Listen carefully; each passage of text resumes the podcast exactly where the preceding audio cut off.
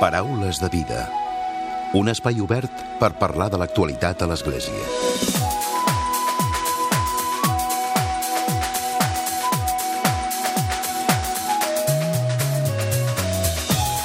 Què tal? Salutacions i molt bon dia, molt bon diumenge de Pasqua. Estem a punt de tancar la Setmana Santa, intensa pel que fa als actes litúrgics arreu dels bisbats de Catalunya.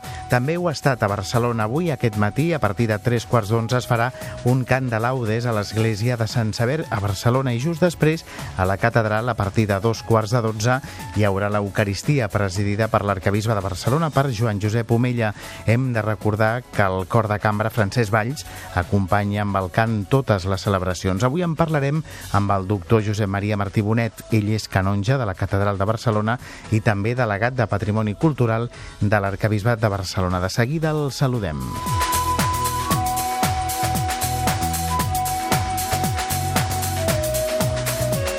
I avui al Paraules de Vida també ens volem afegir a les felicitacions a la Fundació Joan Maragall i a l'Arxiconfraria de Nostra Senyora de la Cinta, que aquesta setmana han estat distingides amb la Creu de Sant Jordi pel govern català.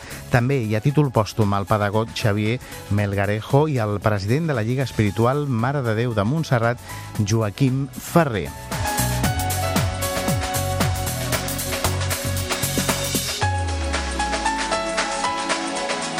I saludem, donem la benvinguda al doctor Martí Bonet. Bon dia i bona Pasqua. Bona Pasqua! Que maco que és dir bona Pasqua. Estem en aquest diumenge, a les primeres hores de diumenge, d'un dia especial, oi? Oh, i tant. És la festa més gran de totes les festes que es puguin celebrar.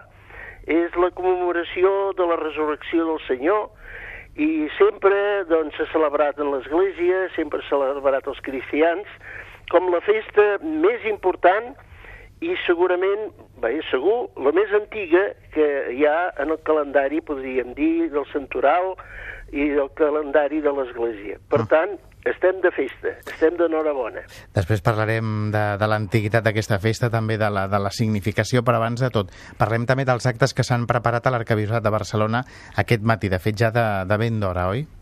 Sí, bueno, hem tingut laudes, eh, i després, doncs, la missa, doncs, que serà, doncs, ben, ben lluïda amb el, amb el senyor arcabisbe, i hi haurà la benedicció que en diuen plenària, de tal manera que en aquest dia s'estableix que en nom del papa doncs, es beneix a la gent que assisteixen a l'església i aquesta benedicció té una peculiaritat, que, que eh, els que reben i els que doncs, eh, han participat en l'Eucaristia, el que sigui, se'ls hi perdona tots els pecats. Diem indulgència plenària. Val la pena d'aprofitar-ho. Mm. De fet, en aquest diumenge de, de resurrecció, oi?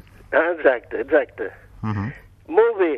Doncs parlem també de, ara dèiem, de, de la significació d'aquesta Eucaristia que es, fa, que es fa especial. És una Eucaristia a la qual hi participa molta gent? Sí, sí, és el dia, doncs, podríem dir, més, més important.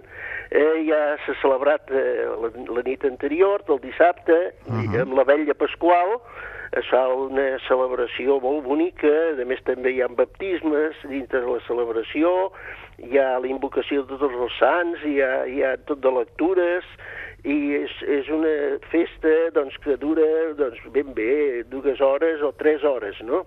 I és el que en diem la vella Pasqual. Uh -huh. I després ha, la podríem dir, la Pasqua pròpiament dita. Aquesta Pasqua, que doncs, ja dic que és la festa més antiga i la festa més important del cristianisme, de tal manera que els diumenges no són altra cosa que, eh, podríem dir, un ressò de la Pasqua. Eh? En tant és festa el diumenge en quant que recorda la Pasqua. Per tant, pel cristià, la Pasqua és la festa més important. Uh -huh. De fet, a partir d'aquest diumenge de resurrecció pels cristians és Sant Tornem-hi. Tornem a començar un nou cicle, oi? Sí, sí, sí és més sant que tornem-hi. Uh -huh. doncs sí, sí, doncs és una gran festa i vull dir, mira, aquí, eh, gràcies a Déu, aquí ho hem celebrat molt, especialment en aquesta nit de, de, de la vella Pasqual i a més també anteriorment, els, els divendres i perquè el dijous, divendres sant són preparació per la Pasqua i inclús externament doncs, és curiós perquè doncs, no es toquen les campanes, perquè la campana significa un goig, una alegria, i en comptes de la campana es toca el que en diem la matraca. No sé si ho coneixeu vosaltres, això, la matraca. Expliqui'ns-ho. La matraca és com una campana, però de fusta, per entendre'ns. Uh -huh. I té un, un so molt especial, doncs trist, quasi, no?, que es toca quan és el divendres i el dissabte al matí, eh, a la matraca. Uh -huh. No es poden tocar les campanes. De tal manera que nosaltres hem trobat una matraca i es posaven inclús en els campanars i eren tan grans com una campana, una campana gran. Per exemple, doncs, a la colònia Güell, doncs, el, en Gaudí va fer una matraca, eh? i va anar a buscar fustes que tenen un so diferent, cada una d'elles, i, i és la famosa matraca. Doncs això, la matraca ja, ja, no, ja no es toca, ara es toquen les campanes. Uh -huh. I no solament això, sinó que eh, doncs s'entona el Glòria, s'entona... Bueno, és, és festa, festa, festa, la, la gran festa, no? Uh -huh. Doctor Martí Bonet, parlem també de, com deia vostè abans, de la significació històricament del diumenge de, de resurrecció, del diumenge de Pasqua. Sí. Bueno, això eh, concretament és curiós perquè vosaltres podeu observar que a vegades un any és un dia, un altre any és un altre, i això la gent potser no ho entén. Uh -huh. Sempre s'ha dit que la Pasqua doncs, és el primer diumenge després del, de la lluna plena de, de primavera. O sigui, la lluna quan està plena, a primavera, el diumenge, després de la lluna plena, eh, l'equinoci que en diuen, Sí. doncs hi ha, hi ha la, la Pasqua.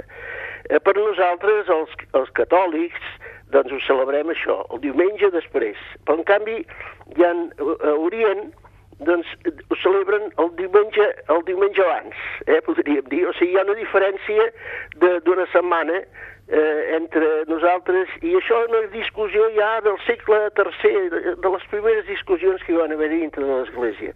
No es van entendre massa a veure quan, per una setmana hi va haver-hi una es- miqueta de, de problema. es manté Però la- l'any encara continuen i, i no hi ha cap problema. Ara ells ho celebren una miqueta més tard i nosaltres una miqueta abans. Uh -huh. Es manté aquesta diferència, per tant, d'una setmana. I de tal manera que a vegades la Pasqua eh, s'adalanta fins al dia, el dia 23. El màxim que es pot adelantar és el 23 de març, imagina't, 23 de març. Sí. I el màxim que es pot retrasar és el dia 25 d'abril. O sigui, són aquests do- dos extrems, eh?, que, que poden variar. Aquest, aquest any ha caigut bastant llarg, o sigui, bastant, bastant cap enllà, doncs, la, la Pasqua. Eh? I, doncs, eh, en aquest moment, doncs, ja, doncs, ja dic, ja deix, es deixa de tocar la matraca. I, a més, també era curiós, jo recordo, quan era petit, quan tenia, doncs, eh, 4 o 5 anys, eh, doncs, a casa, el, el, el dissabte al matí de, de Pasqua, Sí. doncs, eh, quan tocaven les campanes de nou, eh, això celebràvem la Pasqua el dissabte al matí i tocaven les campanes. Jo recordo que a la parròquia tocaven les campanes i a casa doncs agafàvem casseroles i tot i fèiem un, un, un soroll tremendo per tot, per tot el barri i per tota la ciutat de Terrassa, jo soc de Terrassa, doncs tots allà tocant doncs, la glòria i, ho- i ho fèiem d'aquesta manera, me'n recordo ben bé. I després ja podien començar a circular els cotxes, perquè abans eh, hi havia aquest, aquest costum de que els cotxes, doncs, i, els, i els, inclús els, els, els cavalls i tot això no, no podien moure's durant aquests dies. Uh -huh. eh? És a dir, que ce- celebraven el goig de, de El la goig Pasqua. De no? la Pasqua d'aquesta manera, no? Vull dir, escolta, sortint tots al carrer, la canària, la mainada, tocant doncs el que podien. Jo recordo que tocava una cassola i la, i la tocava molt bé. Des d'aquell dia eh, tinc, tinc vocació de, de, de tocar els tam- timbals, quasi, no? I, doctor Martí Bonet, com ha anat evolucionant? No sé si, si la gent s'ho agafa d'una altra manera, els fidels, i també la gent que potser és creient però que no hi participen durant l'any, però sí que ho volen fer durant els actes litúrgics de la Setmana Santa. Com, com ho viuen? Com, com ho veu vostè des de... Home, eh, sí, no, ara ha canviat i, i, i, i, és en justícia que es canvia també, perquè vull dir, la gent ja prou ta- ta- atabalada que va de feina i per tant doncs s'agafa aquests dies com uns dies de, de vacances que són ben legítims eh, i està bé. Ara sí que nosaltres aconsellem, doncs l'Església aconsella de que vagin doncs, a algun acte de, de la Setmana Santa i que vagin doncs, especialment el diumenge de, de Pasqua, que vagin a l'Església. I això, això es fa, s'acostuma a fer. I a les nostres esglésies aquest dia està molt ple aquests dies doncs, esperem de que la cosa funcioni, doncs, funcioni bé. I, indiscutiblement estem convençuts de que, de que doncs, bueno, va evolucionant i s'havíem d'adaptar, podríem dir. Després del Concili Vaticà II s'han canviat moltes coses. Per exemple, abans doncs, es feia tot en llatí, la gent doncs, venia, però amb el missal anaven seguint la missa. Ara, en canvi, doncs, ho entenem, eh, si estem mm. atents. Ara, si un no està atent, no també, entén res, oi? També és important, és important també destacar, doctor Martí Bonet, el fet de que moltes poblacions van recuperant també eh, tradicions antigues que havien perdut i que ara la recuperen, per exemple, amb les processons. Ara li parlo, sí, per exemple, d'una població de Calella, Maresme, que sí que la recuperen aquest any, que l'han sí, tingut sí, aquest jo any. crec que, vull dir, eh, a veure, són coses bones, eh, que la tradició, doncs, mira, eh, la tradició i la, la, la llegenda, doncs, són la poesia de la història, no? La història és, és el que és, i Jesús ha ressuscitat. I al voltant d'aquest fet, doncs, hi ha tot de poesia, que, ha, que són les tradicions, qui serà, doncs, eh, processons que es faran, preparació per la Pasqua, altres, doncs, faran, per exemple, el, el famós salt pas, que no sé si sabeu el que és el salt pas. Bre breument, expliqui'ns-ho. breument, sí. Salt pas és, és, és una paraula que està composa de sal i de Pasqua. Mm. pas. I això era molt normal en les masies antigues i inclús en les, en les ciutats petites, doncs, després de Pasqua, doncs, eh, cridaven el capellà perquè beneís doncs, la, la masia o beneís doncs, les estances, no? I per això doncs, necessitaven sal, eh? sal i, i, i això, i aigua, ho mesclaven, eh? i un cop doncs, es feia com una espècie de bola, doncs, humitejada, i la tiraven a la porta mateix de la casa, al dintell, a dalt de la porta. I això representava, doncs, eh, el pas de l'àngel exterminador de, de, de, que llegim a la Bíblia, que en el, en el moment d'iniciar el pas cap, a la, cap al desert, eh, la sortida d'Egipte, tot, tot l'Antic Testament, tota aquesta cosa tan bonica, doncs diu que marcaven les cases on hi havia doncs, eh, gent fidel al judaïsme, i en canvi les altres no estaven marcades i per tant l'àngel doncs, castigava aquelles que no estaven marcades, amb aquelles que estaven marcades doncs no solament no castigava, sinó que beneïa. Per tant, hi ha aquest costum de l'Antic Testament que es traslada en el costum del, del cristianisme uh -huh. i mhm. les cases eren doncs, eh, tacades, podríem dir, amb sal, sal i, i allà doncs, el, el sacerdot venia doncs, totes les estances, venia la gent, i a la vegada després la gent estava contenta i els hi donaven ous amb els capellans. Eh? I, havia, i també, esclar, el capellà tenia al costat els escolanets. Els escolanets, doncs, també volien participar dels ous, i diu que cantaven, això consta totalment cert, doncs deien, ous pels escolans, bastonades als capellans.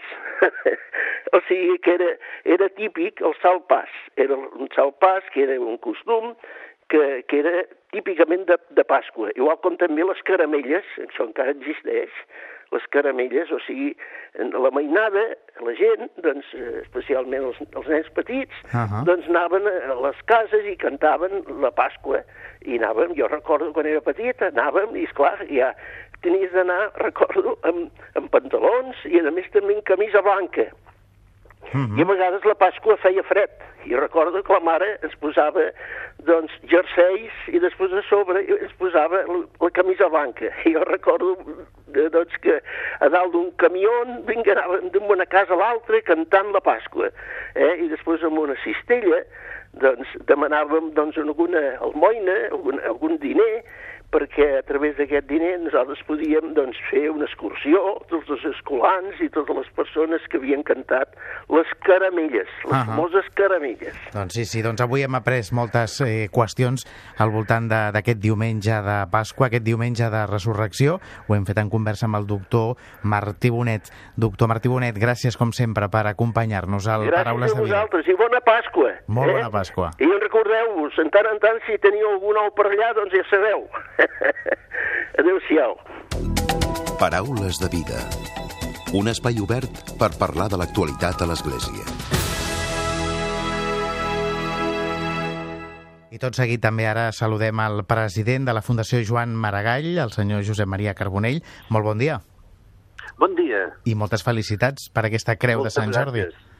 Moltes gràcies. Què és el que significa per la Fundació Joan Maragall rebre aquesta distinció del govern català? Mira, jo eh, crec que el que representa eh, essencialment és un reconeixement del govern de Catalunya de la tasca que ha fet la Fundació durant els 28 anys d'existència. Com ja saps, fa 28 anys es va crear la Fundació, la seva missió era el diàleg fe i cultura, era el diàleg amb la cultura del nostre país des de l'humanisme de cristià que representa el catolicisme i la Fundació Maragall, i el que hem fet, hem intentat fer, és això, no? De ser una plataforma d'agrupament d'intel·lectuals catòlics, una, una plataforma de diàleg amb la societat civil i amb les institucions. Uh -huh. De fet, aquest diàleg que, que és permanent no? entre la fe cristiana i la cultura, i que a vegades potser no es reconeix de manera explícita, no? tot i que hi sigui, hi sigui molt present. Ja saps que eh, un de les, de les grans forces del cristianisme ha estat la seva inculturació en les diferents cultures, des de, des de Jesús de Nazaret, no? primer amb la, una part de la cultura jueva, després la cultura grega romana, etc etc. La missió de la Fundació és aquesta inculturació de la fe en la cultura que avui viu al món amb la nostra cultura. I és la tasca que hem volgut fer i hem volgut uh, dur a terme amb una actitud de diàleg, amb una actitud d'apropament a la realitat que vivim, sense cap uh, ganes ni de confrontació ni de resistència. Eh? Uh -huh. Nosaltres creiem que la missió de la Fundació és fer present en el món de la cultura actual l'essència del cristianisme. Uh -huh. Avui nosaltres hem volgut copsar també aquestes primeres paraules, en aquest cas del president de la Fundació Joan Maragall, de Josep Maria Carbonell, però abans d'acomiadar-lo també hem de recordar la resta de, de guardonats des del punt de vista eclesial, com dèiem a l'inici del programa, com per exemple l'Arxiconfraria de Nostra Senyora de la Cinta i també a nivell pòstum, a títol pòstum, el pedagog Xavier Melgarejo i el president de la Lliga Espiritual Mare de Déu de Montserrat, Joaquim Ferrer. Són aquestes distincions de la Creu de Sant Jordi i, per tant, també des d'aquí una felicitació des del Paraules de Vida. Senyor Carbonell, gràcies per haver-nos acompanyat Moltes avui. gràcies. Moltes gràcies a vosaltres. I molt bona Pasqua. Molt bon dia.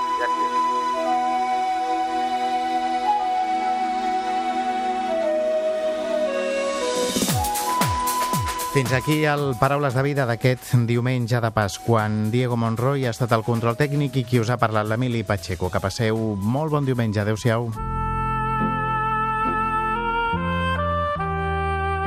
Us oferim la carta dominical de l'arcabisbe de Barcelona, Joan Josep Omella.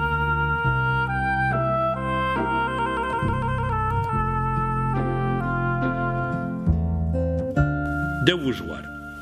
Un monjo eremita del Líban va rebre la visita de l'abat d'un monestir molt important i anava per demanar consell perquè estava desolat. El seu monestir, que durant temps va estar ple de monjos joves i generosos, ara estava gairebé buit i la tristesa omplia el cor dels monjos. Abans hi anava molta gent als oficis i ara gairebé ningú hi anava. L'angoixa i el neguit omplien el cor de l'abat que no sabia què fer ni quina era la causa d'aquella situació. Va preguntar a l'eremita «Què hem fet malament o quin pecat hem comès perquè estiguem ara en aquesta situació?» El monjo eremita li va contestar «Heu comès el pecat d'ignorància». «I això què és? Què significa?» li va preguntar l'abat. «Doncs que un dels monjos del vostre monestir és el Messies disfressat i vosaltres ho ignoreu, li va respondre l'ermita. L'abat va tornar al seu monestir i a tothora pensava que com era possible que Déu hagués tornat a la terra, hagués anat al seu monestir i ni ell ni ningú no l'hagués reconegut. I començà a pensar, potser és el cuiner, o el prior, o el porter, deu ser el sagristà o el novici, qui deu ser? I continuava pensant, no deuen ser la disfressa, els defectes que té cada un dels monjos? Sí, tots els monjos del monestir tenien defectes i, en canvi, semblava que un d'ells era el Messies. Quan arribà al monestir, l'abat va reunir els monjos i els va explicar el que li havia dit l'eremita, que el Messies era un d'ells. Tots es van mirar amb incredulitat i van pensar que era impossible que el Messies estigués entre ells. Però a poc a poc van començar a donar-hi voltes dins del seu cap i es deien i si fos aquest o aquell germà? I no podria ser aquell altre. Si està disfressat, no podrem reconèixer-lo amb la qual cosa el que hem de fer és mirar de respectar tots perquè qualsevol pot ser el Messies. Va ser a partir del moment que cada un va optar per respectar i estimar cada de germà per si fos el Messies quan va començar a regnar uns altres aires al monestir. Hi havia més alegria, més bondat, més generositat, més il·lusió per tot el que feien. L'alegria va omplir el cor dels monjos i va estendre's arreu del monestir. A poc a poc aquesta alegria s'anava encomanant i aviat molts joves van entrar en el monestir, que tornà a ser una comunitat florent a la qual hi anava molta gent a pregar, a demanar consell, a participar senzillament dels oficis religiosos per qui trobava pau i recuperava les forces per seguir servint al Senyor. Una història preciosa, que podríem aplicar a la nostra vida de família, de comunitat, de presbiteri, de veïnatge, de companys de feina. El Messies és entre nosaltres. S'ha disfressat. Sabem acollir-lo i tractar-lo com es mereix? Podem preguntar-nos qui és? Quina disfressa ha escollit? Ell ja va deixar escrit a l'Evangeli tot allò que fèieu a un d'aquests germans meus més petits, m'ho fèieu a mi. Amb la resurrecció de Jesucrist, ell s'ha fet un de nosaltres i camina amb nosaltres al nostre costat, al nostre voltant. Que sapiguem respectar, estimar i ajudar totes les persones que trobem en el nostre camí, perquè en elles hi és present el mateix Senyor i Déu nostre ressuscitat. Que Déu us beneixi a tots. us hem ofert la carta dominical de l'arcabisbe de Barcelona, Joan Josep Omella.